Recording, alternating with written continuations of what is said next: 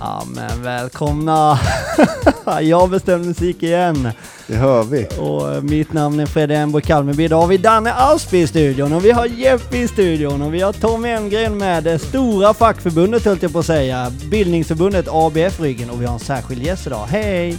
Hej, hej. Hej, hej, hej!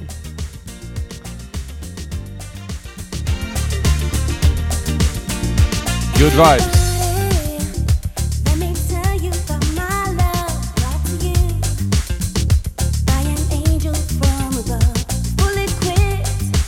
Kan vi stänga av den här jävla skitmusiken nu? Sänka den. Jag, jag håller... Fred, jag går på dig. Tack Det är Danne. bra. Fan. Fan vad du är negativ, ja, men ni, Jeppe. ni som inte har lyssnat på våran podd innan så kan vi förklara det nu då, ni som lyssnar för första gången på det här avsnittet. Det finns en stående konflikt med musikval i den här podden. Ibland är vi tre här då, eller Danne och Freddy och jag. Ibland är det bara jag och Freddy. Oh yeah! Och de två har ju noll musiksmak. Men Jeppe, du är ju, får man säga, en musiknazist på något sätt? Ja, Nej, det- det. musikkunnig. Nej men han ska vara så Jeppe. jävla svår. Han, Ja, han ska stå i sitt lilla hörn Alltså. och så här. Lyssna på dragspel Nej, men och... alltså, och jag och en hel värld kan inte ha fel, för i alla fall det jag har fått lära mig i min uppväxt är att det jag spelar är ju, det är ju världshit. Jag har inte sagt någonting om jag spelar Ronny och Ragge varje vecka, Jeppe, då hade jag köpt det. Men det här är ju en världshit du lyssnade på precis. Aldrig någonsin hört. Uh, förklarligt nog, det hör jag på första tonerna att det här kan jag inte lyssna på. Men återigen, vi gjorde ett sånt avsnitt om personlighetstyper ju, för ett tag sedan. Ja, Eller hur? Och då kom vi fram till att ni står i ytterligheterna till varandra. ja, Och jag var den som bryggade er. ja just Och det. det är ju så vad det gäller musiken också. Ja, det, Ja, Ja. ja, det är ganska bra inramning, det får jag ge. ja, Sen vill jag bara då. Vi ska inte snacka massa musik här nu, men jag ska ändå säga en sak. Jag ska erkänna en sak och så ska jag berömma en sak. Säg något fint om mig bara nu, Ja, för jag det behöver det. det för är varit riktat- lite, ja, det är riktat tack. till dig. Det var ju då förra veckan så började ju avsnittet då med den här Green Day-låten då. Ja, just det, Basket Case. Och då ringde ju en polare till mig som känner mig innan och utan och bara skrattade. Bara, jag skrattade som fan sa han. När Basket Case gick igång. För då visste jag att nu står Jeppe in i ett vägval här. Ska han låtsas som att han gillar det här eller ska han erkänna att han avskyr det? Han har ju helt rätt där då. Men eh, eh, skitsamma, jag, jag gillade det när jag var 12, absolut Ja. kanske inte idag. Men eh, däremot så ska jag ge dig, och det gjorde jag nog i det avsnittet, Ronny och Ragge drog du till med sen. Och det är på riktigt tusen gånger bättre än Green Day. Ja, men jag är beredd att hålla med dig faktiskt. Riktigt mycket Ja. snyggare att ha med i en podd. Och jag förstår varför just du säger det. Jag kan bara inte förklara varför du säger det. Kan du det Danne, som känner Jeppe ännu bättre än vad jag gör? Varför tycker han som han gör nu? För jag visste, alltså när du säger det så är det, ja men det är klart att han tycker så. Men jag kan inte förklara varför tycker han så. Det är ju väl, ja, jag vet inte fan vad ska jag säga på svar på den. Jag säger det, det är Det skitsvårt. är ju, men det är väl så här, Green Day har ju varit ett band som, om jag ka- kan punkhistorien lite så här, ett band som lätt hatas från punkkretsar så här, för att de inte anses vara ri- riktiga punkare. om vi nu ska bli riktigt så här, trampa dem på tårna. Ja, okej. De har väl blivit smutskastade, att de har blivit mainstream arena rock band. Nej.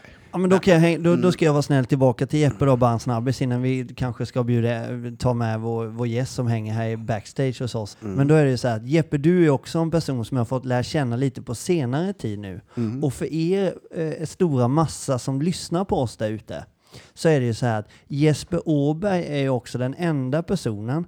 Kommer ni ihåg den här eh, lilla filmen? Ah, den släpptes bara på ett par biografer i världen som heter Titanic. Det står två töntar fram i fören och sjunger någonting och ah, den är inte stor alls. Den filmen är ju typ en sån film som Jeppe skulle kunna se på bio och gå ut och säga ah, det var väl ingenting. Ja men typ sådär, jag tyckte inte den var bra. När typ en hel värld Men tyckte där- att den där- var bra så tycker Jeppe att den var då. Nu var det inte, ja. Mm, Lite där, där har du helt fel. Är det så? Jag tycker den är än idag en Jo. superfilm. Jag menar inte just den filmen. Jag Nej, men jag, typ, fatt, jag fattar vad du menar. lite, lite, ja, jag vet inte, känner jag det rätt då Jeppe? Ja, men lite då. Okej, det kan jag ge. Har du ägt ett par foppatofflor någon gång? Aldrig någonsin. Nej, det, Där har vi det. inte jag heller. Eh, men eh, om vi ska sluta prata massa skit här nu då. Ja. Och släppa in vår gäst istället. För jag Okej. är jävligt sugen på att höra. Okej, men i alla fall så han som ska vara med nu. Välkommen till spelfrihetens idéskapare Adam Reuter Svärd. Yes, yes, yes. Ja, Tack! Hej! Tjabba. Hej, hej! Det är bra, men välkommen hit. Tackar så mycket, tackar så mycket. Hur är läget med dig? Ja, men det är bra. Det är till och med jättebra. Jag blir ju direkt här, hur kommer det sig då? Att det är så bra? Ja, det ska jag faktiskt berätta såklart. Och det är att eh, vi har precis, jag och min sambo, eh, gått över den här magiska veckotiden då det, det är publikt att vi ska få barn. Så att vi var på det ultraljudet idag. Nu jävlar. Grattis! Kul! Tack, tack. Fan vad roligt att höra. Ja. Och det är ju faktiskt också eh, både henne och mitt eh, första barn. Så det är extra kul. Det är det verkligen då ju. Fasen var häftigt. Hur känns det att livet snart är slut då? Ja, ex- ex- exakt. Friheten då.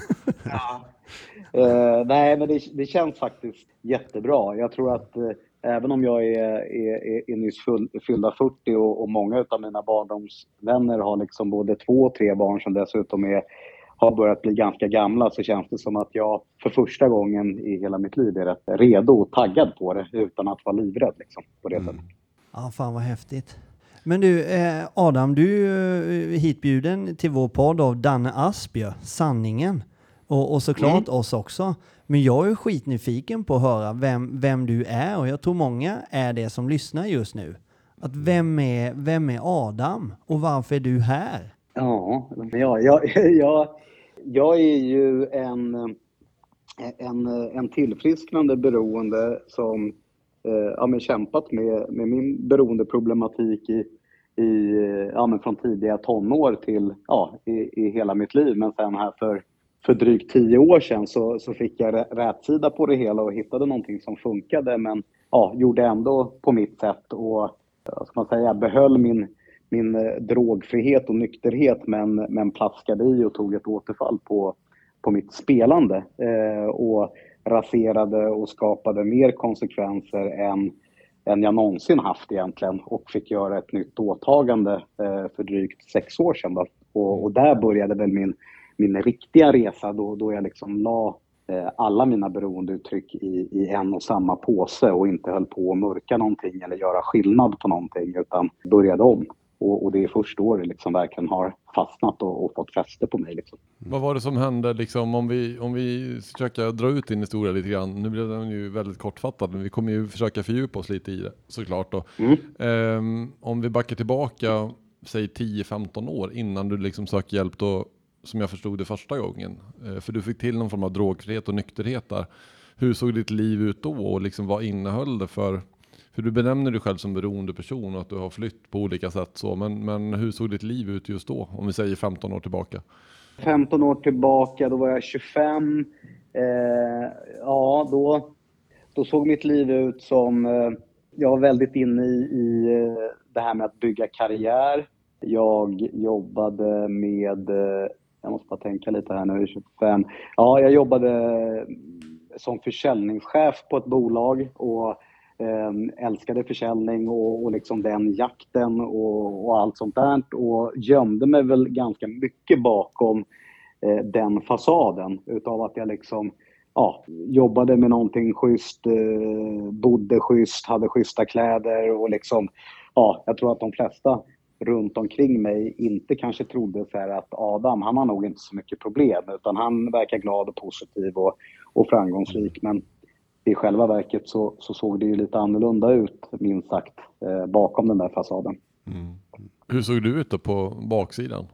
Alltså, jag under den perioden så, eh, man kan väl säga så här också att från att jag liksom fyllde 18 så har jag ju liksom så byggt upp mitt liv och raserat det, byggt upp det, raserat det ganska många gånger och väldigt ofta så har det ju handlat om att huvudgrejen till varför jag liksom raserat livet är ju för att jag har börjat spela igen. Så man kan väl säga bara så att kanske är bra att veta att mitt huvudberoendeuttryck har alltid varit spel. Eh, och sen när jag har liksom vunnit mycket och haft en bra streak eller vad man ska säga, då har jag festat mer eh, och liksom druckit mer och använt droger eh, mer och sen när jag har haft en, eh, en, en nedåtgående spiral på mitt spelande, då har jag liksom dämpat min ångest med både alkohol och andra droger för att slippa känna den stressen. Liksom. Så att där när jag var 25 och, och var, var säljchef för det här bolaget, då, då kommer jag ihåg att jag var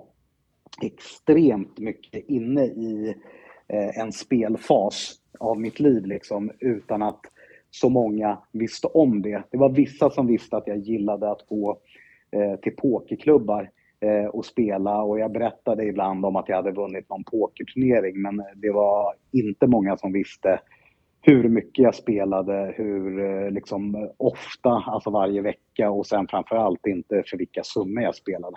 Sen tror jag också att mer än där att jag alltid har gömt mig eh, så länge jag kan komma ihåg bakom en liksom sån här trygg och framgångsrik yrkesprofil. Det har ju också med, eh, alltså med det så har det ju kommit att jag vill inte göra bort mig till exempel på fyllan och när jag använde andra droger så har jag liksom inte velat använda på det sättet så att jag liksom riskerar den där eh, jobbprofilen. Så att eh, ur det perspektivet så tror jag också att ja, vissa visste väl att okej, Adam gillar att festa och liksom dricka när han går ut och sådär och han kanske röker en del gräs när han är med vissa och liksom så. Men jag tror inte att någon såg mig direkt som så här, en, här, här har vi en tvättäkta alkoholist eller här har vi en, en narkoman och, och absolut inte här har vi en spelberoende. Utan jag försökte hela tiden liksom hoppa mellan de här grejerna för att ingen skulle kunna döma mig för någonting. Fan. Det är ett jäkla virrvarr på något sätt i när det blir, ska vi säga tre olika beroenden pratar du om nu egentligen, eller nästan till fyra. Jag skulle ibland kalla den här jakten du pratar om i karriär som ett annat slags beroende också, men ni fattar vad jag menar. Det blir jävligt mycket att hålla i, reda på i livet. Jag, jag skulle säga att det som du sa nu med, med jakten och, och karriär, det har verkligen varit ett också som inte jag har fattat när jag har varit uppe i det. Men nu när jag tittar i backspegeln så har jag verkligen sett att de tidigare liksom drogfrihetsperioderna eller spelfrihetsperioderna jag haft eh, innan den perioden jag är inne i nu, då har jag kunnat se att ja, en av anledningarna till att jag har lyckats hålla mig borta, det är ju för att jag har liksom gasat som en galning i mitt jobb och varit helt manisk i det. Liksom. Så det är, enligt mig så är det verkligen ett beroende som ja, man, man kan komma undan med ganska mycket. Men för mig, jag blev ju lika frånvarande och det lockade ju fram mina mindre bra sidor på egentligen exakt samma sätt som, som många av de andra beroendeuttrycken också. Liksom. Men jag är supernyfiken för jag, jag känner ju igen mig mycket i, din, i vad du berättar. Jag tänker, för här hoppar vi in i 25 års ålder och du är full sjå med både karriär och spelande och alkohol och droger. Jag skulle vilja veta, för jag är brutalt nyfiken på, hur var din uppväxt? Vad gjorde du då? Höll du på med några idrotter och sådär? Eller Liksom, bara ge, ge oss en bild över hur din uppväxt var lite snabbt liksom. Så behöver inte fastna där men... Nej. Eh, uppvuxen i en, en villaförort eh, i Stockholm. Egentligen eh, med, med en mamma, pappa och en storebror. Ja, kärleksfull uppväxt. Höll på mycket med, eh, med sport. Framförallt eh, racketsporter. Till viss del lite innebandy och sådär. Men framförallt tennis, pingis och, och badminton har väl varit det som jag, jag sysslat mest med. Gillat att umgås med, med vänner och jag tror, alltså om man ska eh, titta lite på så här, varför det blev som det blev, så jag, jag är adopterad och jag tror att det har spelat kanske en större, ett större inslag i, i mitt liv än vad jag kanske tidigare har velat se. Eh, men tittar man på det när jag var barn och även ungdom så, så kan jag se att det fanns en genomgående rädsla utav att inte få vara med, rädd för att bli övergiven. Och det blev som att jag ville överkompensera det med att hela tiden vara den där roliga, eh, populära. Och, och det räckte liksom inte med att ha fem vänner utan jag ville gärna ha jättemycket vänner. Så att liksom gasade väldigt mycket redan på den tiden. Och liksom så här lite eh, saltade historier och kryddade redan liksom från, från att jag var liksom ja, eh, sju, åtta år. Liksom. Det räckte inte med att bara berätta hur det var, utan det skulle gärna vara lite, lite extra, bara för rädslan utav att inte kanske då räcka till. Liksom. Det Känner är man igen? Jag skulle vilja ha en, ja, Oj, förlåt. Ja, vi borde ha ett eget avsnitt och prata om uppväxt. För det är, jag har börjat med en liten teori där och den finns säkert redan. Men alltså det här kan man ju se ty- tidigt. Eh, vad fan skrattar du åt Jeppe? Nej, men jag började hosta rakt i... Jag tänkte jag skulle säga något allvar. Nej men jag, jag kan kä- alltså satan vad jag känner igen. Har, du- känner du eh, Adam att du någonsin har haft en bästa kompis när du var liten? Som verkligen har gillat dig för den du är? Jag har, eh, ja men jag tror så här, jag, jag har haft, jag hade vid ett tillfälle så vet jag att jag la alla ägg i samma korg och liksom verkligen så här förlitade mig på en person. Exakt, ja. Eh, och då kommer jag ihåg att när jag gjorde det och ville ha den bekräftelsen över att det verkligen var min bästa kompis, då märkte jag att han backade lite och liksom så här, hörru, ta det lugnt liksom. Det, Ja. det, det, det, det, räcker nu liksom. Och jag vet inte, jag kommer, jag kommer inte exakt ihåg hur gammal jag var, men säg att jag var liksom där 11-12 bast. Och efter det, de- de- den liksom avfärdningen så bestämde jag mig att det är jag som ska bestämma över mina relationer och jag ska ha jäkligt mycket relationer men det, det, det, jag ska inte bli bortstött på det där sättet utan har jag jättemycket vänner så behöver jag kanske inte komma jättenära allihopa utan det räcker med att ha många istället. Liksom. Oh, shit. Ja. Igenkänningsfaktor i det här rummet. Ja, det var tycker helvete. jag att jag ser. Ja, jag, det, jag blev lite tagen nu faktiskt Adam. För jag känner igen mig något enormt i din, i din historia. Och jag känner att det kanske inte ska ta för mycket plats i det här avsnittet, för jag, då kan jag bara sitta och mala i sånt som är intressant för mig. Nej, men det, det tycker jag det ska göra, för jag tänker att det här är ett... Vi kom någonstans till kärnan för varför vi sitter där Ja. egentligen. Och det var för många någonstans, oavsett om man går, blir ett sockerberoende, börjar spela, knarka, käka, träna eller ska ha en jävla fet karriär och tjäna massa pengar. Så, så någonstans just det här utanförskapen, obekräftade, kommer jag duga, finns jag? Alltså det här att hela tiden bevisa, det, det tror jag vi har många, många, många som har, har det gemensamt så. Ja, och det, det som tar mig lite här när du snackar nu Adam, det är att det är klart så här i vuxen ålder så förstår jag att det finns fler som har gått runt på en skolgård någonstans i Sverige samtidigt som jag gjorde det och kände att fan, är det verkligen någon som tycker om mig? Är jag bra nog? Duger jag? Och så vidare. Och jag, jag får nästan känna att jag kände att jag hade kompisar fast jag hade ingen kompis som riktigt var min kompis som de två var kompisar. Eller, och när jag var med de två så kände jag att jag är med lite på ett hörn här. Alltså jag satte mig själv i, i en tankefälla av att jag duger inte här, så jag måste hela tiden kompensera det. Och om jag bara hade vetat att det fanns en liten adopterad Adam som sprang omkring på en skolgård någonstans och kände likadant så kunde vi ringt varandra och lekt. Mm. Men det visste jag inte då. Då var jag ju bara ensam i det. Det är det som är det fina vägbeskrivningen till eh, tolvstegsmöten eller vad man nu Exakt. Mm. Rakt genom helvetet. Sen gör du en U-sväng när du har fått nog. Sen hittar du de där vännerna som har Ja. känt likadant. Och jag blir direkt, hur fan kan vi fånga upp sådana som Adam och som mig och som er när, i, i en tidigare ålder liksom, när vi ser det här? För att jag, jag tror ju på något sätt att det, går, det hade gått att bromsa tidigare liksom och fånga upp de här varningssignalerna. Ett sätt, det är det vi gör här och nu. Tidigare kanske man inte hade tillgång till en podd som vi Nej, har lyckats få. Nej, men, och att yngre människor kanske börjar lyssna på en sån här podd så småningom. Det gör det ju redan, det vet vi ju. Men jag menar, det är ett sätt. Och jag tror också det var ju hela nästan essensen i det avsnittet som jag gjorde själv. Just Ja. det här att, att växa upp med en liksom stark känsla att inte passa in någonstans. Och försöka göra allt för att bara, ja. hur ska jag lista ut så folk tycker om mig? Så Exakt. mycket de bara kan. Liksom. Ja men vad fasen vi får inte fastna där och för, för länge. Och nu skulle kunna sitta och prata om det här i två timmar förmodligen. Men, men ehm, jag blir lite så här nyfiken på, du är inne liksom i karriären, du ska bevisa för folk. Var ingången till spelandet på något sätt också den här viljan av att skaffa en jävla massa pengar och eh, köpa bilar och kläder och eh, leva ett liksom jetset-liv? Var, var det en drivkraft eller hur, hur kom spelet liksom in i, i ditt liv?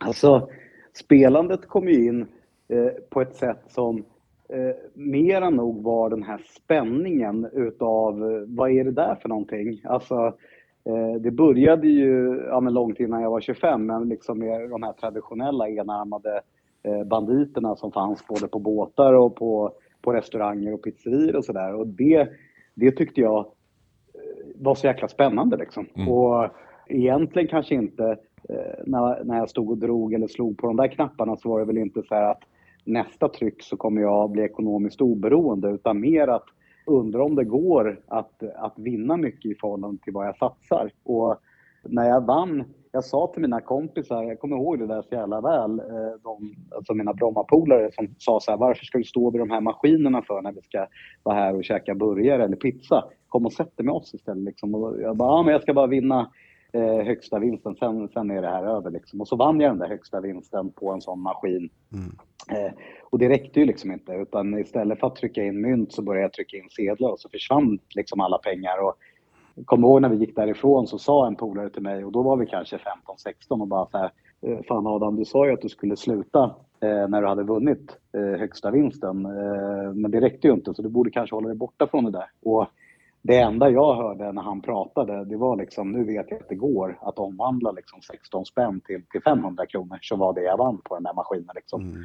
Och det var där jag liksom började på något sätt med att det finns en snabbare väg till att tjäna pengar. Sen har det där såklart liksom hängt med och eh, i och med att det har varit viktigt med, med karriär och, och såna här grejer så har jag ju alltid haft sådana jobb då jag oftast tjänat ganska bra. Men spelet tror jag verkligen så här när det fick extremt mycket fäste i mig, det var ju när pokern kom till Sverige för då blev det som att det var lite skicklighet, alla tyckte att det var lite häftigt, alla Ja, började köpa precis. pokerväskor och liksom det gick på high stakes poker, gick på femman, eh, pokermiljonen gick på fyran och liksom eh, jag började plugga massa sådana här böcker och började liksom vinna ganska mycket eh, i, eh, i början eh, och vann ganska mycket såna här lite större pokerturneringar och jag kommer ihåg att jag blev så extremt hooked på bekräftelsen som jag fick från andra spelare. Jag vet inte om ni eh, kan känna igen er i just den här grejen, men när man typ eh, har varit inne i ett race och vi kanske har festat för mycket eller knarkat för mycket. Det, det är väldigt sällan jag i alla fall fick säga fan vad du är grym på att kröka eller knarka liksom.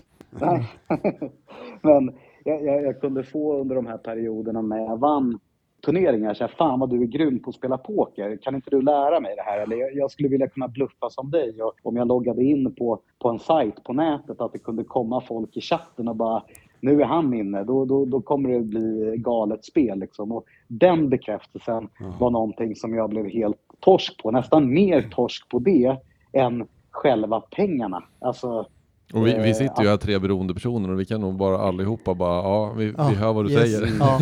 ja. Men jag är skitnyfiken här Adam, alltså här målar du upp en bild av en person som när jag var sådär en 20 bast, det, det, du var ju den personen jag själv ville vara. Alltså vi snackar ju, dels så är du ju försäljningschef här.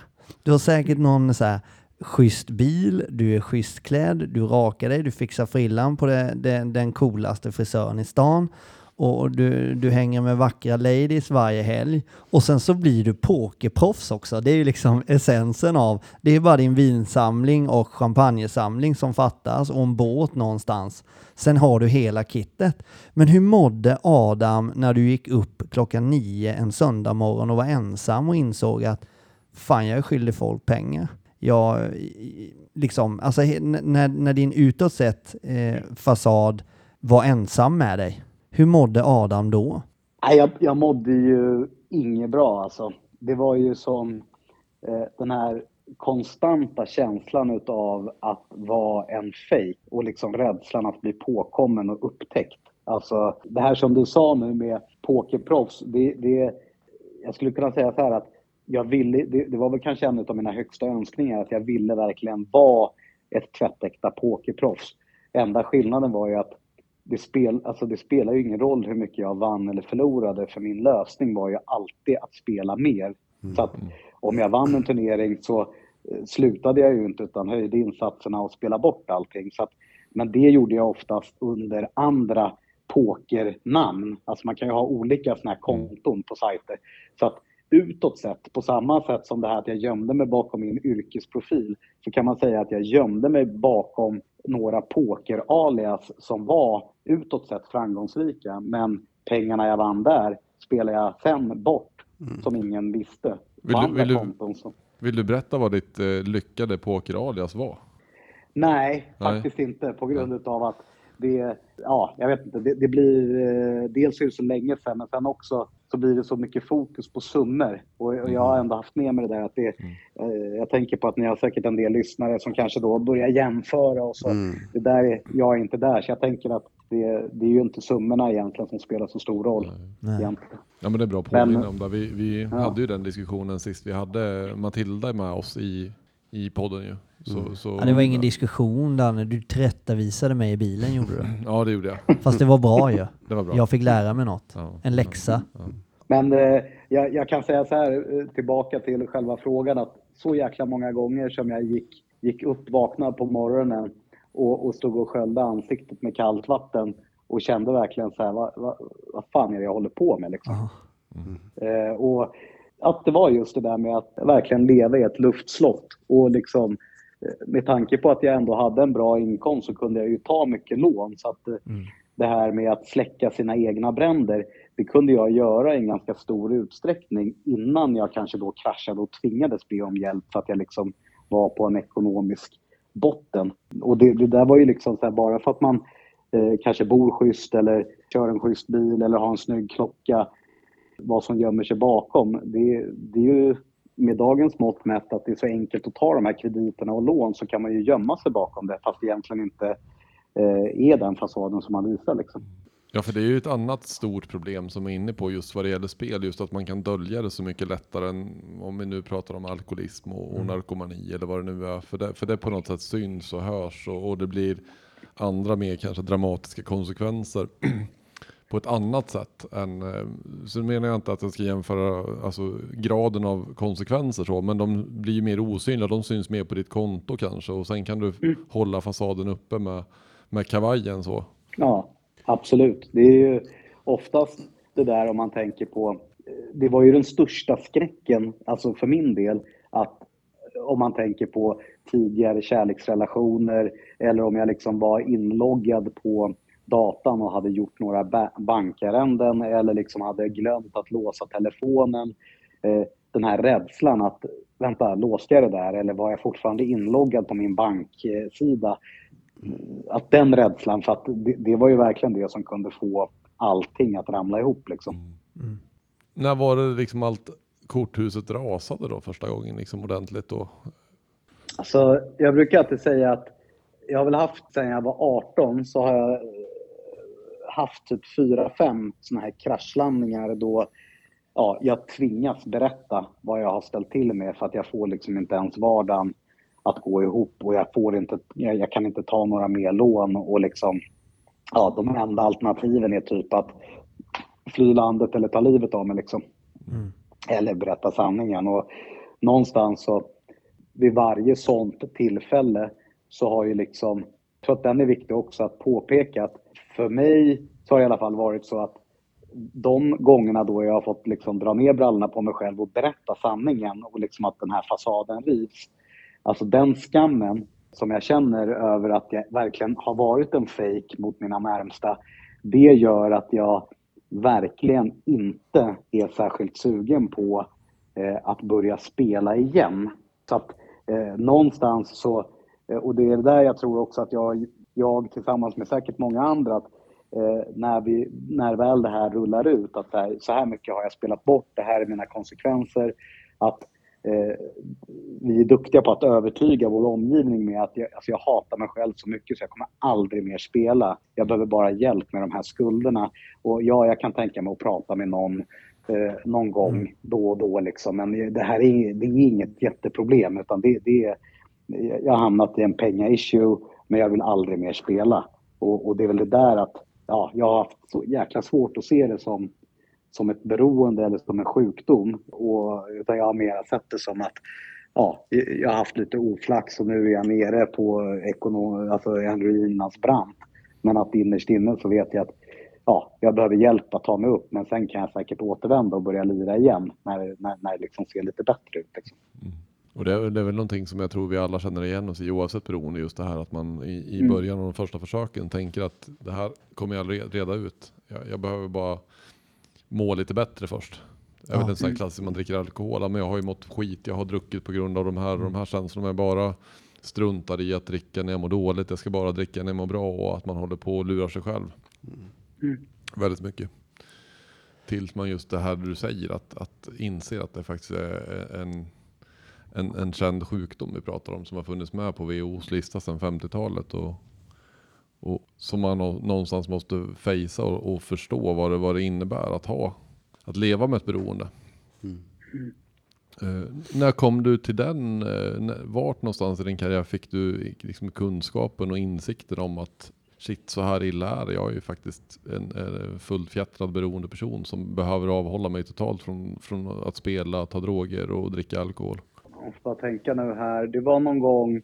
Jag kom, så här, en utav mina vänner eh, som jag dessutom drev ett företag med tillsammans med även två andra.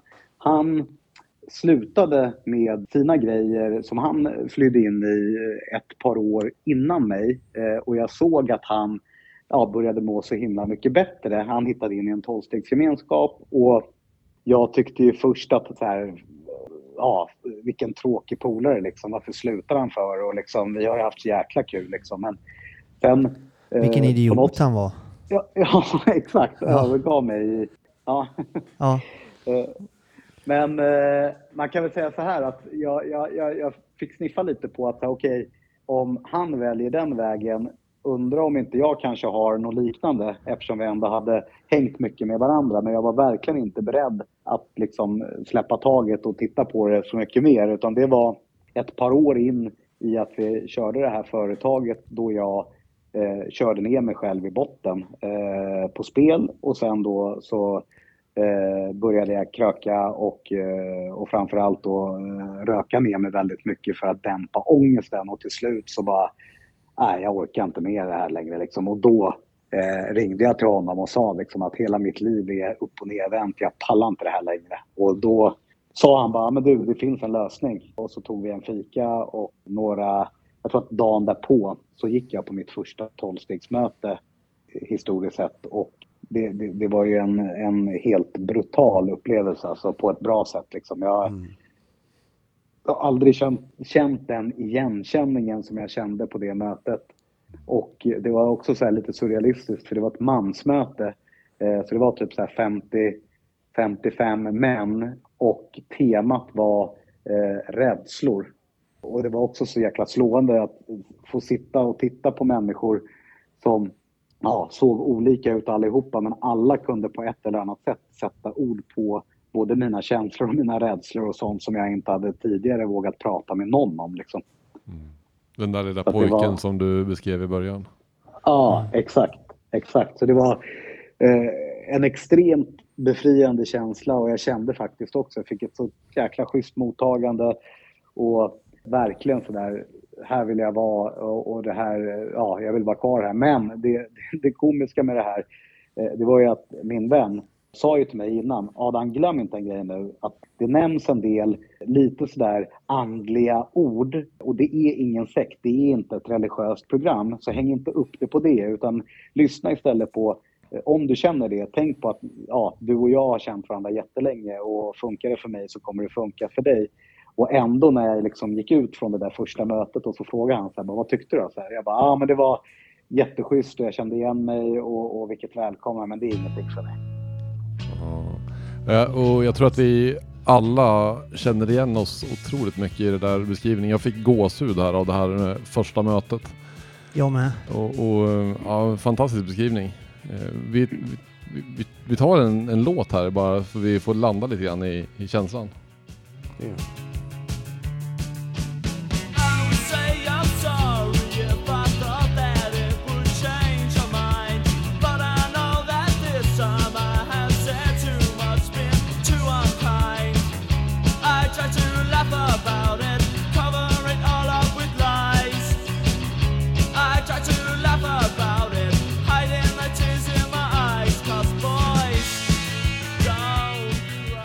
Boys don't cry. Där kan, där kan ni få godkänt på musikvalet då. Men eh, Det var Danne, det var inte jag.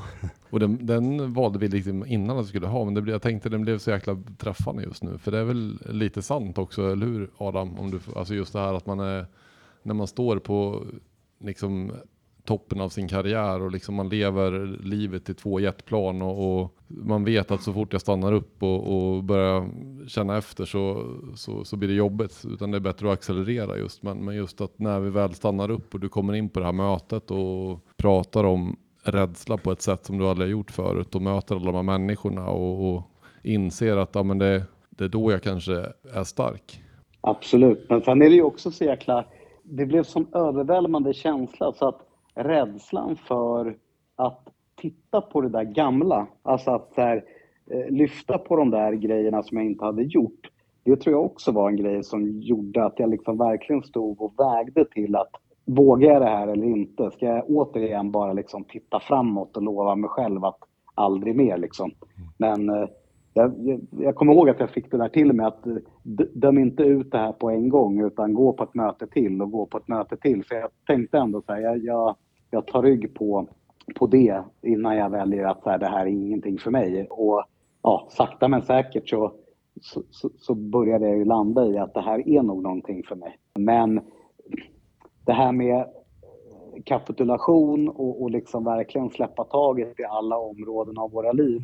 Om jag tittar i min backspegel och, och liksom hur min resa har sett ut så tyvärr så när jag påbörjade den där resan så gjorde jag ju ändå på mitt sätt från första början. Liksom. Att, eh, jag, jag, jag var inte beredd att till exempel be om hjälp i, i mitt, liksom släppa taget kring mitt jobb eller Eh, ja, hur ska jag göra i det här med kärleksrelationer och eh, min jakt på pengar och framgång. Jag, det, liksom, jag ville, det var något annat. Där behövde inte jag någon hjälp. Liksom. Utan jag kunde hålla med om att okej, jag, har, jag har spelat för mycket och jag har eh, festat för mycket och jag har liksom rökt för mycket gräs. Det kunde jag hålla med om. Men de här andra grejerna, det, där ville jag ändå på något sätt här, göra på mitt sätt. Och det, det blev ju inget bra. Eh, däremot ska man väl säga att jag, jag la grunden till någonting som ändå senare skulle kunna, eller kom att bli väldigt bra. Men till exempel så, så slutade jag inte dricka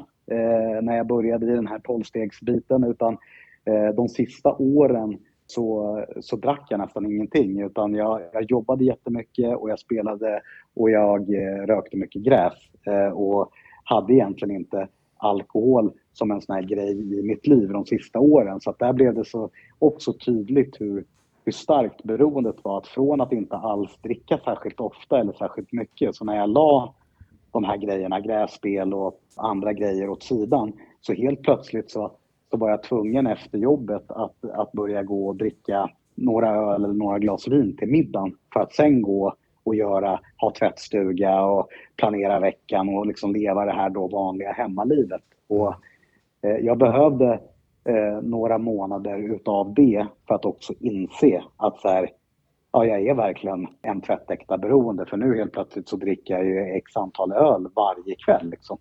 Och ja, det var också jobbigt för där blev jag lite, vad ska man säga, rädslan för att inte få vara med i den gemenskapen kom tillbaka. Att så här, här har jag också, återigen när jag får ett sånt schysst välkomnande och, och liksom alla är så ärliga och sårbara så väljer jag ändå att göra på mitt egna sätt.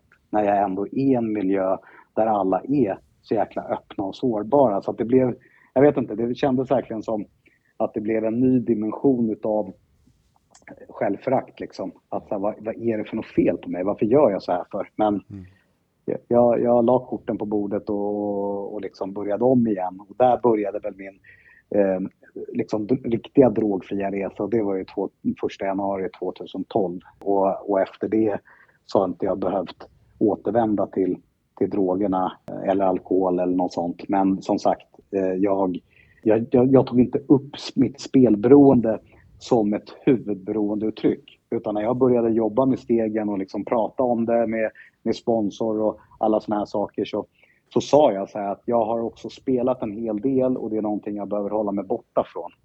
Men när man gick in och bottnade i de här olika delarna så, så valde jag liksom att prata mer om, om de andra sakerna. Vilket gjorde att den där bakdörren till spel inte blev riktigt så förseglad som till de andra sakerna. Liksom. Just precis, för du har tio års nykter och drogfrihet, men sex års spelfrihet. Ja, just det. Ja. Men, men vad, vad var eller hoppar jag för långt fram här nu, men vad var det som hände då? Eller vad på stegarbetsvägen liksom? Man kan säga så här att eh, jag tror att, eh, ja, men, om det var Jeppe som sa det här Ja. innan, att eh, med jakten, alltså den här ständiga jakten att hela tiden vilja vidare, att jag tror att jag tog med mig den in i tolvstegsgemenskapen och även om jag fine levde så här, ja men en dag i taget, så innerst inne så var det som att det var jätteviktigt för mig att se att det gick bra och att det gick bättre hela tiden. Och jag satte upp mål som jag skulle nå och eh, köpte väl inte av det där med att vissa saker skulle ta tid utan då försökte jag gasa i, i andra avseenden så att det här med jakten på framgång och pengar och jobb, där gick jag ju in extremt mycket. Så att eh, eh, det här med bolagsbyggandet och allt sånt, helt plötsligt så, så börjar ju bolaget accelerera för att jag la väldigt mycket tid på det istället för att då kanske ja, vara inne och spela eller hålla på och festa och göra andra grejer. Utan det var ju järnfokus på det och sen så eh, gick jag på möten och, och, och, och jobbade i, i programmet. Men det blev ändå att på något sätt jag hade fel fokus när jag tittade i backspegeln och, och jag blev väldigt manisk där att jag bytte ett beroende mot ett annat. Och det gjorde att den kärleksrelationen som jag gick in i eh, när jag hade hittat det här nya sättet att leva och, och liksom det började se väldigt bra ut, företaget gick bra och ja, men bodde i en schysst lya inne i stan och liksom jag var, började känna den här stoltheten av att faktiskt när jag sköljde ansiktet på morgnarna så, så hade jag inte det där hatet lika närvarande utan fan, det, liksom, det här börjar ju gå riktigt bra. För jag såg inte det här maniska på jobbet som någonting destruktivt. Jag såg liksom inte riskerna med det när jag var uppe i det. Och den relationen som jag var i sa vid något tillfälle bara så här att du ser ju inte mig, du är inte närvarande. Alltså även om du har slutat med att spela och liksom du dricker inte och sådär så du jobbar ju som en galning och sen går du på dina möten. Men hallå, jag vill ju bygga en framtid med dig och det, det känns som att jag är ju liksom långt ner på listan. Eh, det här vill inte jag, det, det här vill inte jag vara en del av. Och jag tror att där och då så blev det som en sån jäkla kalldusch. För att i mitt huvud så målade jag liksom upp att det här med att vara en eh, självförnekelse, när jag var jätteaktiv i alla mina beroendetryck så tyckte jag ju ändå att jag var världens kap. Men nu när jag ändå hade liksom börjat jobba med mig själv så blev det ju verkligen så här, fan nu är jag ju verkligen ett kap på riktigt. Eh, och ändå så ville inte hon vara med mig. Så den, den smällen blev så jävla kraftig eh, av att jag fick liksom inte ihop det i mitt huvud. Att så här, vi reser hela tiden, vi bor schysst, vi käkar nice hela tiden, vi har ett aktivt liv och, och, och, och det duger inte. Och liksom jag gjorde det i, i mitt huvud så blev det så här, blev det inte bättre än så här? Alltså, varför håller jag på med det? Och då blev det som att någonting måste jag få göra för att kunna hantera den här, de här känslorna. Och då blev det som att eh, jag, jag liksom började tänka lite mer spel och liksom sådär. Och, och, och sen tog det inte jättelång tid innan jag faktiskt Eh, började spela igen. Och som det har sett ut i alla mina återfall på spel när jag har haft en längre paus. Och det bör man också, eller det bör jag säga också, att jag tror att jag hade varit spelfri ungefär två, två och ett halvt år när det här skedde. Så att, och nykter och drogfri också. Så tog jag, istället för att spela poker, som jag ändå hade spelat i stort sett i, i hela mitt liv, så blev det som att här, jag har inte den tiden som krävs att lägga ner på poker. Så jag prövar nätkasino istället. Och det var ju det som också hade börjat blomma ut och med all reklam och allt sånt där. Så jag kommer ihåg det så jäkla väl, även om det här var liksom många år sedan. Att jag, jag, jag satte in en summa eh, på kontoret och, och satt och lirade från min telefon.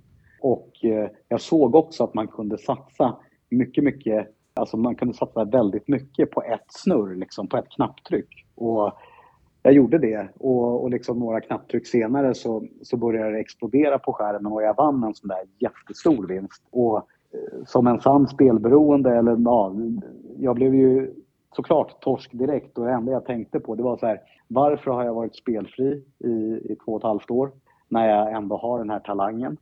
Och eh, varför ska jag liksom hålla på och liksom bygga företag med, med massa stress och personalansvar när är det här? Alltså här kan jag vinna en sån här stor summa eh, bara på några knapptryck. Det är det jag ska göra. Och sen direkt när det skedde så då är det som att det här sunda förnuftet som faktiskt då programmet eh, 12-stegsgemenskapen hade gett mig i många avseenden, det blir som bortblåst. Och den här maniska som eh, beroendehjärnan tar över och här blir det som att jag gör om det i mitt huvud. Att så länge jag bara håller mig borta från alkohol och drogerna, då får jag vara en del av den här tolvstegsgemenskapen. Sen om jag är inne i spelet, det har ingen någonting att, att göra med. Liksom. Och där började liksom den här, vad ska man säga, sista kraschen forma sig som gick, ja, blev värre och värre. Och det blev en helt ny dimension för jag hade ju under de här två och ett halvt åren i gemenskapen så hade jag ju dels fått jättefina relationer med alla i min familj. Jag hade fått fantastiskt fina människor eh, som också jobbade i samma tolvstegsgemenskap och hade många vänner nära mig som jag träffade hela tiden. Så att det här självbedrägeriet att både jobba tillsammans med någon som lever i samma program och samtidigt ha massa vänner som gör det samtidigt då som jag ska gömma det här. Det, det, det, det, det var så jäkla jobbigt och, och, och, och skamfyllt eh, så att jag vågade liksom inte.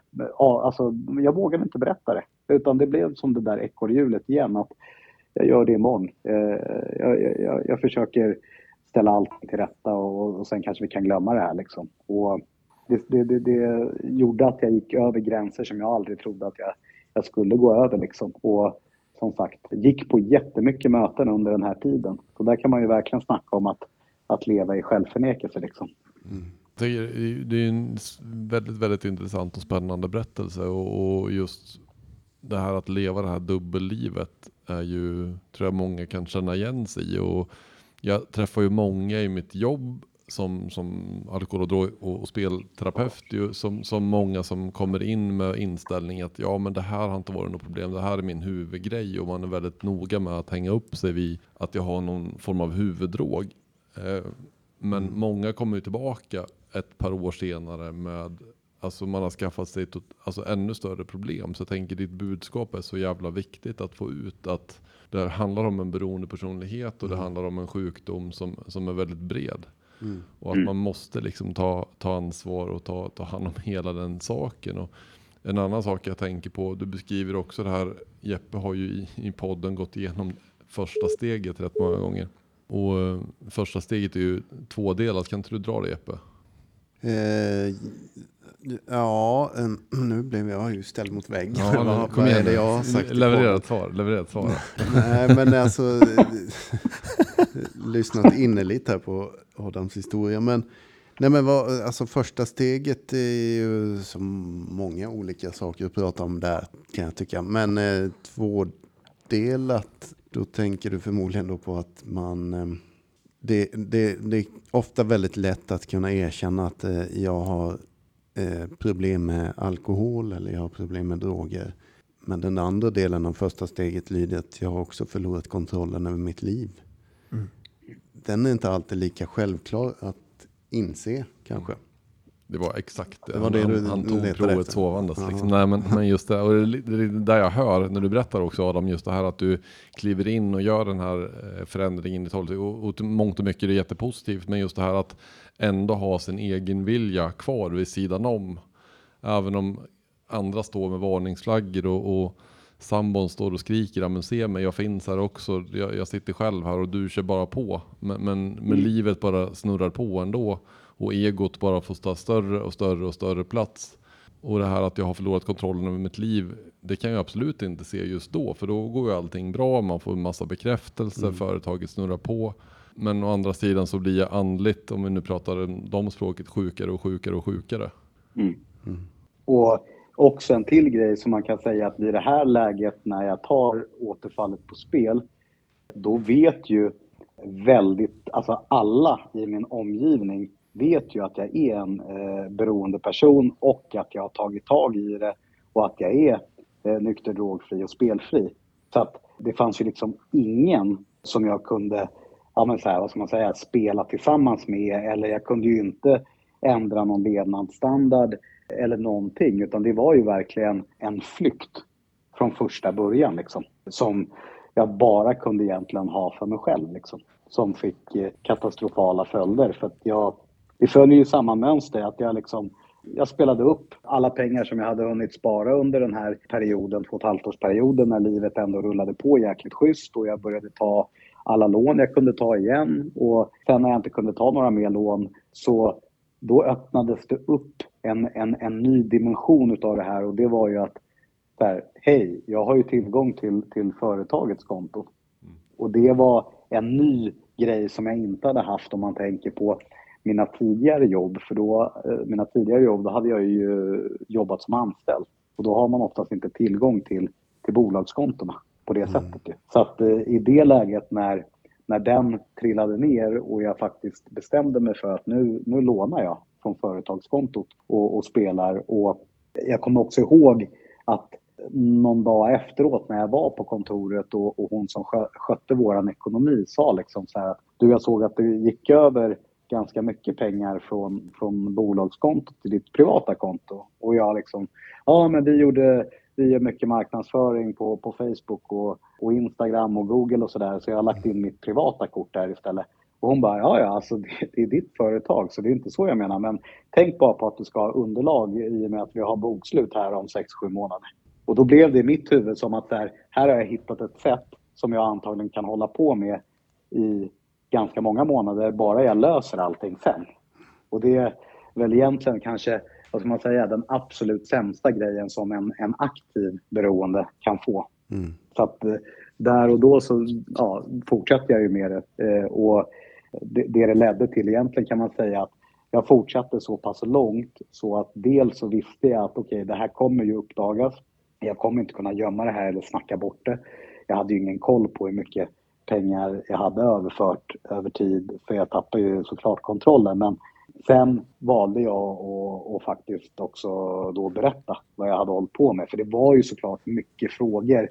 Varför går inte företaget bättre? Vad tar pengarna vägen? Och allt det här med den manipulativa förmågan och, och att eh, ha reflexlögner och liksom dupera de jag har runt omkring mig. Det, det, det faller sig så naturligt när eh, jag ändå gjort det så mycket. Och sen tror jag att en av anledningarna till också att det gick att genomföra, vilket också är en sån jävla manipulation och det som är så hemskt med den här sjukdomsbiten, vad den framkallar hos mig och, och sådär, det är att jag lutade mig tillbaka mot att jag var nykter och drogfri och kunde använda det för att lugna min omgivning. Och det är ju också så nu så när man tittar i efterhand liksom att så här, hörni, fan, ni är på mig så jävla mycket här. Jag har ändrat om hela mitt liv liksom och eh, jag kämpar och liksom, kom, glöm inte det liksom. Att sådana här grejer fick ju kanske då misstankar att lugna ner sig ett tag. Och det är ju sånt som också är, är väldigt hemskt hur ja, ja, jag var villig att göra precis vad som helst för att få spela lite till och, och, och liksom kunde inte tänka att det var kriminella handlingar eller att liksom jag håller på att sabba inte bara för mig och, och kanske min familj utan här är det delägare, anställda och deras familjer också som kan påverkas av det här. Det såg jag liksom inte när jag var inne i det. Vad var det som hände då? Vad blev konsekvensen av, eh, av ditt agerande sen när allt låg på bordet liksom? Jag skulle först Ja. bara vilja, Ja, vä- absolut. vänta, ja, nej men det är skitbra fråga jag, och det vill jag också höra, men jag vill ju höra, ta med oss, ta med oss på den här dagen du bestämmer dig för att du samlar grabbarna och tjejerna runt bordet och ska erkänna detta. Alltså hur, hur gick det till? Alltså, eh, kan vi ta en Ja. kaffekille? Jag har en grej jag ska berätta här eller? Hur, jag har själv suttit i sådana här möten nämligen. Inte att jag har förskingrat pengar från mitt bolag, men jag har gjort andra grejer som jag kanske är mindre stolt över och är tvungen att kanske skicka ett mejl om en liten inbjudan till ett samkväm. Eh, Hur gick din till?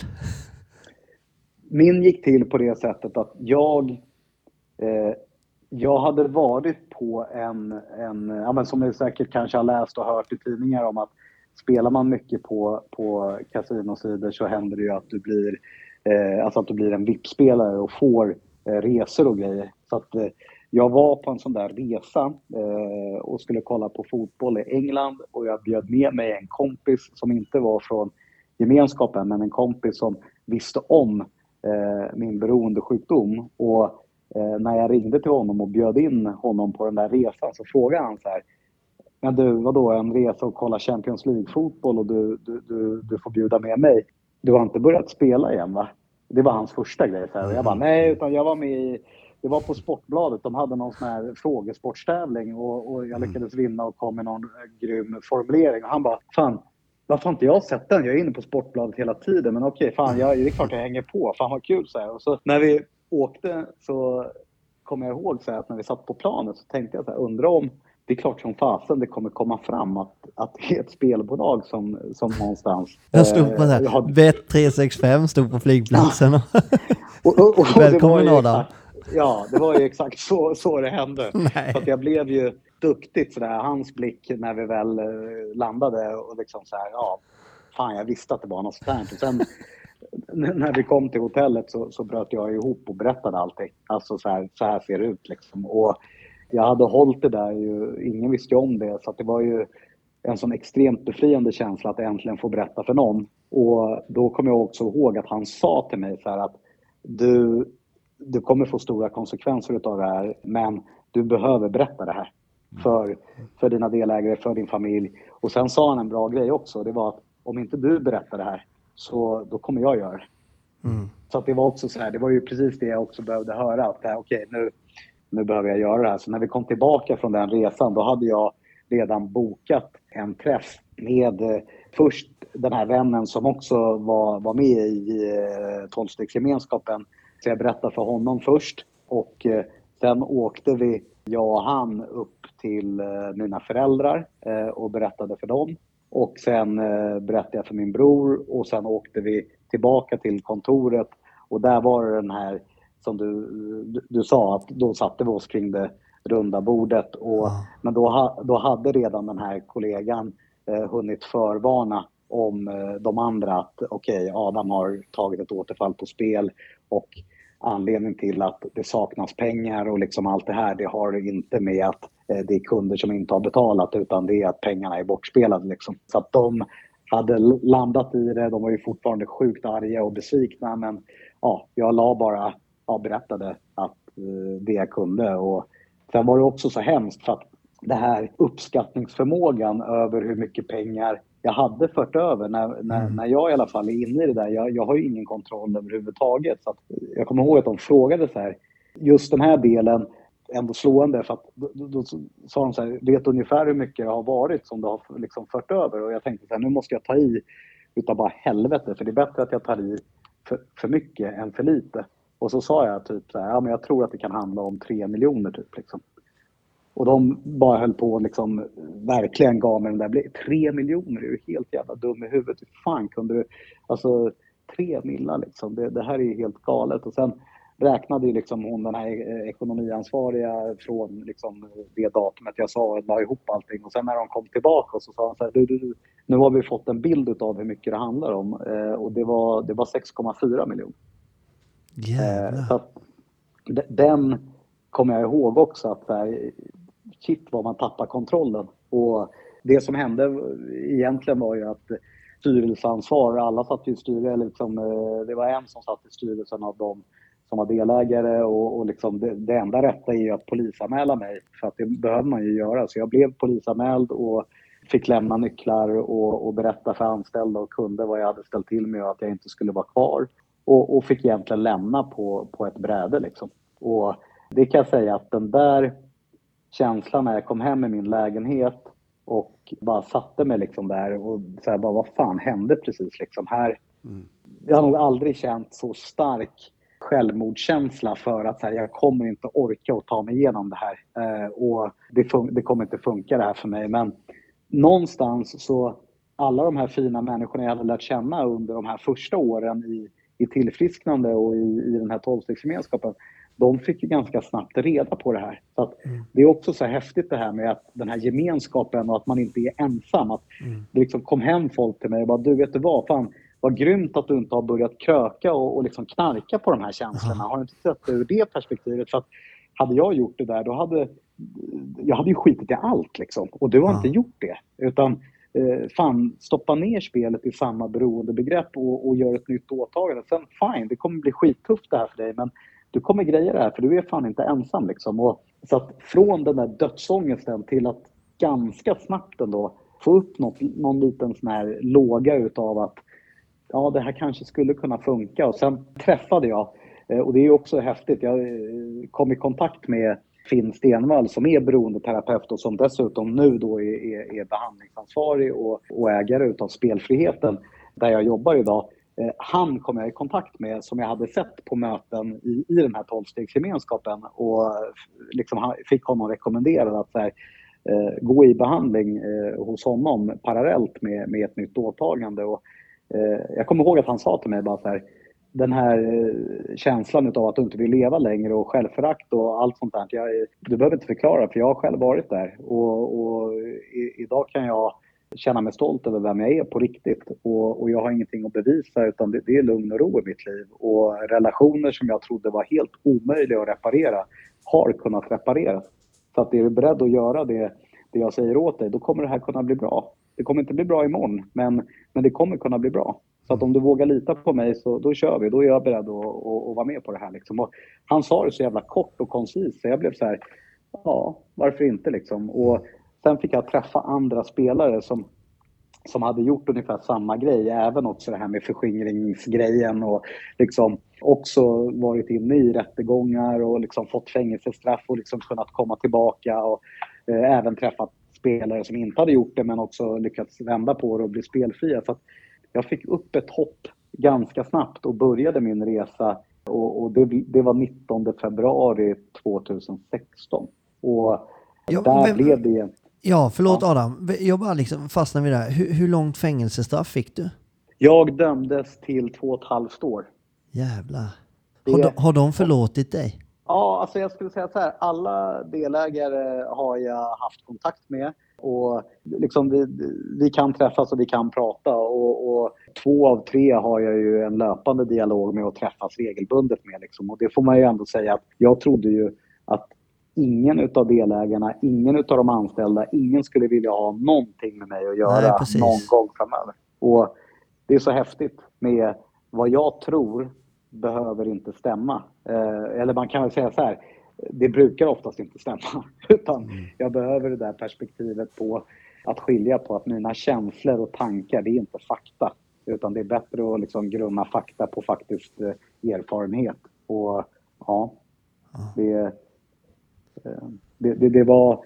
Eh, självfallet så kan man ju säga så här att bara hela tiden ha vetskapen om att det här kommer nog leda till fängelse. Och jag kommer nog inte kunna komma undan det här och det är ingen som kommer kunna rädda mig. Och jag tror också en till grej var att när jag, gjorde, när jag berättade det här för min familj så var det också nog för första gången jag verkligen kände så här att ja, men jag behöver verkligen hjälp, men inte den ekonomiska biten. Utan det, det, jag får inte livet att funka. Utan eh, nu måste jag göra annorlunda på riktigt och, och liksom inte försöka plocka några russin ur kakan. Utan det, det, det landade väldigt snabbt i det. Så att det, det, det har varit en, vad ska man säga, en, en väldigt eh, omvälvande resa med att ha det här i bagaget med att, att leva med att ha sabbat både för mig och för många eh, något så stort och samtidigt då fortsätta ja, men göra annorlunda och veta att okej, det ligger ett straff som jag kommer få avtjäna längre fram i tiden. Eh, så att det, det, det, det har inte varit enkelt men det har blivit helt görbart i alla fall med, med, med all hjälp som jag ändå har fått. Liksom. Låter Alltså, jag, tycker ju, alltså den här historien den inbringar så sjukt mycket hopp. Eh, tycker jag ju. Verkligen. Alltså just det här att, eh, och det är så fint med just den här beskrivningen av, av vänner som man kan ha i den här tolvstegsgemenskapen som vi ofta kommer till och pratar om. Liksom, att oavsett hur, vad man har gjort och vad man har ställt till med så är man alltid välkommen tillbaka. ja. Och det finns alltid vänner som verkligen förstår på, på djupet och som sträcker ut en hand. Och, och jag tänker, framförallt tänker jag på en person. Eh, den du beskriver i, i England.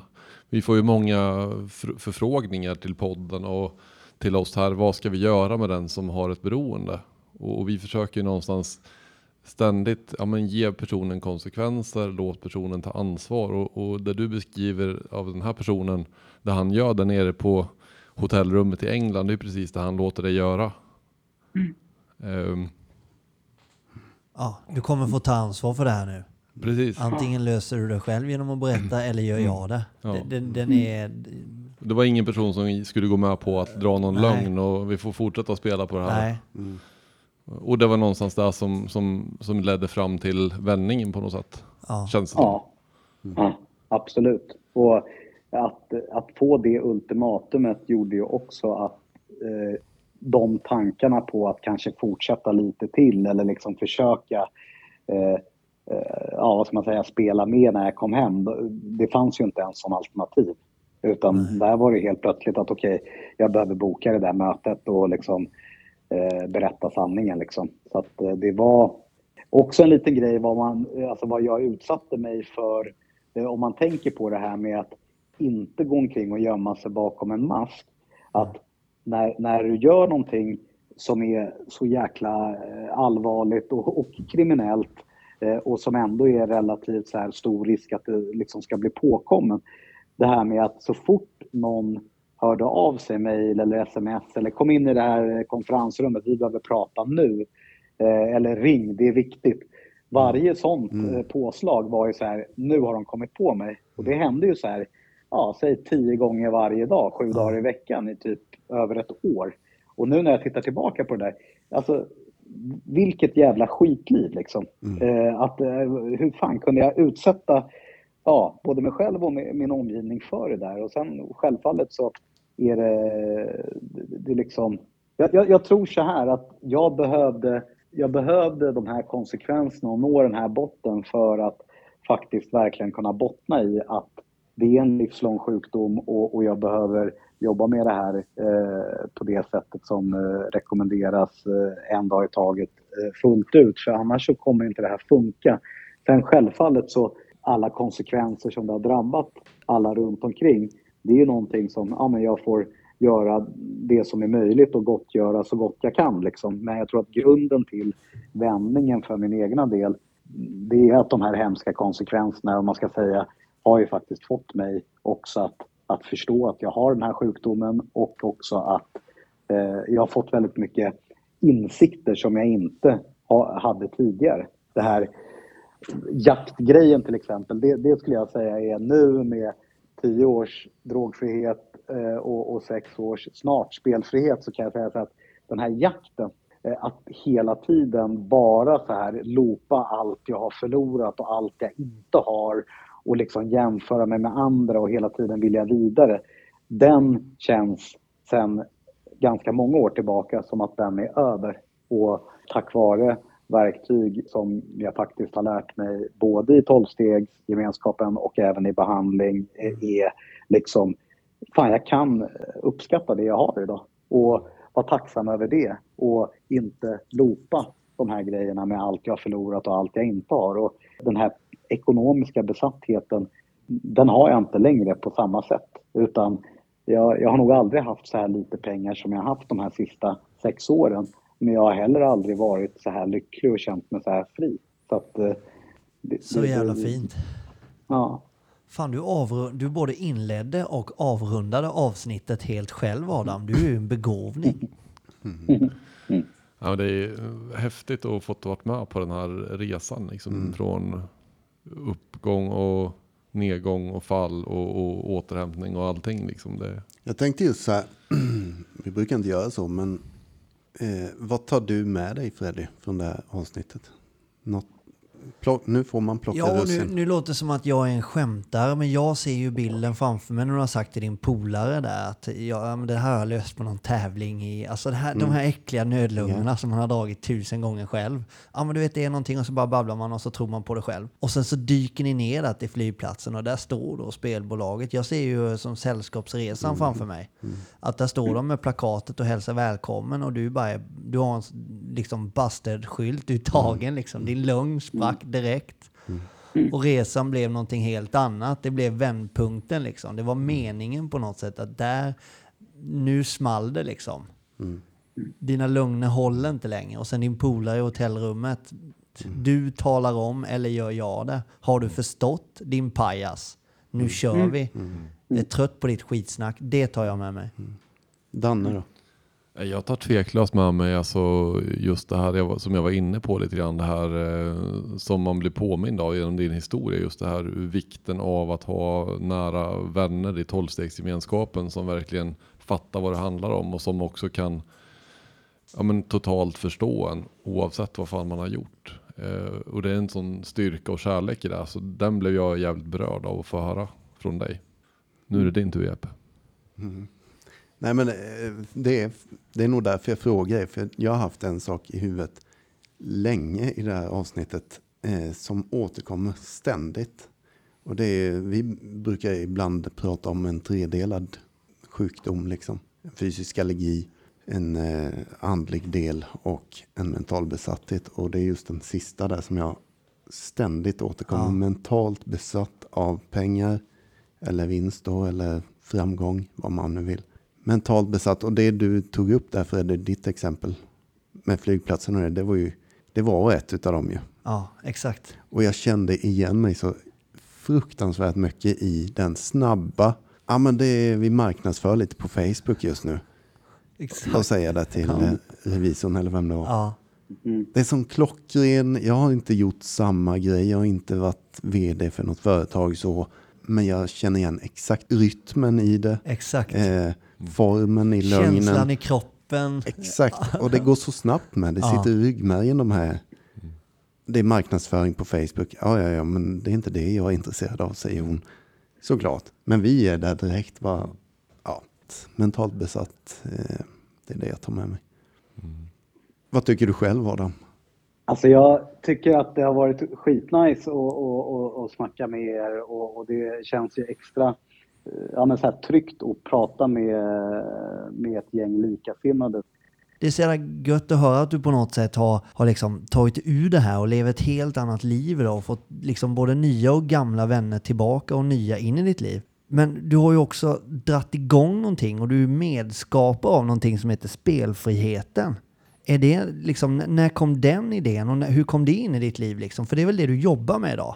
Ja, exakt. Och jag kan väl säga så här att när jag hade gått i, i behandling eh, hos Sten Stevall eh, eh, drygt, jag tror att det var ett och ett halvt, två år där någonstans, eh, så eh, sa jag till honom så här att det du har lyckats göra med mig eh, har ju ingen annan, vare sig psykolog, läkare eller kommunal behandling lyckats göra eh, genom åren när jag väl har kraschat. Och det beror ju på såklart massa olika saker. Delvis också för att nu, nu, nu hade jag ju också en annan form av villighet. Men framför allt så tror jag att det som var skillnaden nu också, det var att vi hade många sessioner, både grupp och individual eh, terapi, eh, flera dagar i veckan. Och de grejerna jag hade gått innan, då var det oftast så här att jag träffade någon en gång i veckan i några veckor och sen så skulle jag liksom, ja, lycka till i framtiden. Och när jag väl spelar, då spelar ju jag och planerar mina spel och, och tänker på spel.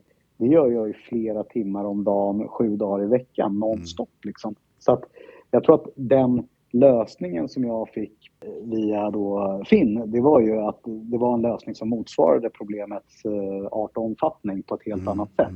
Och det ledde till att, att den här stabila grunden, den byggdes liksom inte på, på en gång i veckan i några veckor, utan det var liksom ett gediget arbete flera dagar i veckan i, ja men typ ett och ett halvt år. Eh, för att sen då börja liksom, vad ska man säga, eh, stå på egna ben och, och liksom upprätthålla mitt, mitt dagliga engagemang. Så att den delen eh, var så eh, annorlunda mot vad jag hade gjort tidigare. Så jag sa till honom bara så här att fan under alla år som spelare så har jag ju lärt känna många spelare och andra anhöriga och du har jobbat med det här i, i så många år. Kan vi inte sammanföra eh, allihopa och, och försöka forma och skala upp det du har gjort eh, med mig i, i, i större form? Och eh, det gick han igång på och det var väl egentligen det som var början till spelfrihetens öppenvårdsbehandling. Så att eh, det formades under typ slutet, eh, mitten av 2017 och eh, 1 januari 2018 så slog vi upp dörrarna eh, och, och öppnade upp spelfriheten. Och det var i samband med att det sjukdomsklassades i, i Sverige och skrevs in i sjuk och hälsovårdslagen att ja, kommuner och landsting är skyldiga att erbjuda vård och behandling för spelberoende. Så att, eh, där började det och det som var så spännande det var att jag var ju lite så här att lite, alltså jag, jag ville vara med och forma liksom inslagen och med min erfarenhet som spelare och allt sånt där. Men sen när liksom det här rullade ut och att jag började liksom jobba och blev anställd och alla de här sakerna. Det som var så jäkla schysst, det var att den här belöningen utav att få känna att jag faktiskt för första gången i mitt liv hjälper andra via mina egna erfarenheter och, och få träffa anhöriga som kan säga att vi har prövat så mycket grejer, ingenting har funkat, men det här görs skillnad. Det eh, är ju bättre än alla jävla jättehöga löner och bonusar som jag har fått på andra jobb där jag har liksom jagat framgången i att liksom bara se pengarna. Ja. Så att det här blir en sån omvälvande vad ska man säga, karriärsvalsskillnad som gör att eh, jag kan vara stolt över det jag jobbar med idag på ett annat sätt. Och eh, den här vad ska man säga, ekonomiska besattheten zoomas ut på grund utav att, att jag har hittat andra värden. Liksom. Så att, eh, det, det har varit helt fantastiskt och jag verkligen kan säga att liksom, det som det har verkligen lagt grund ja, men jag tror har, har kommit dit jag är idag och eh, tycker att det är jäkligt schysst att få vara en del av någonting som faktiskt eh, hjälper andra liksom, för jag har inte varit det tidigare liksom. Men om, om nu, vi ska börja avrunda lite grann, men, men just det här om, om vi nu, sista frågan blir så här, om man nu förhoppningsvis, jag tror ju att det är väldigt, väldigt många som sitter där ute och lyssnar och, och känner igen sig väldigt mycket i spelproblematiken och sådär. Om man nu skulle känna att man skulle vilja ha hjälp via spelfriheten och sådär, vad, vad tar man vägen då? Vart vänder man sig till?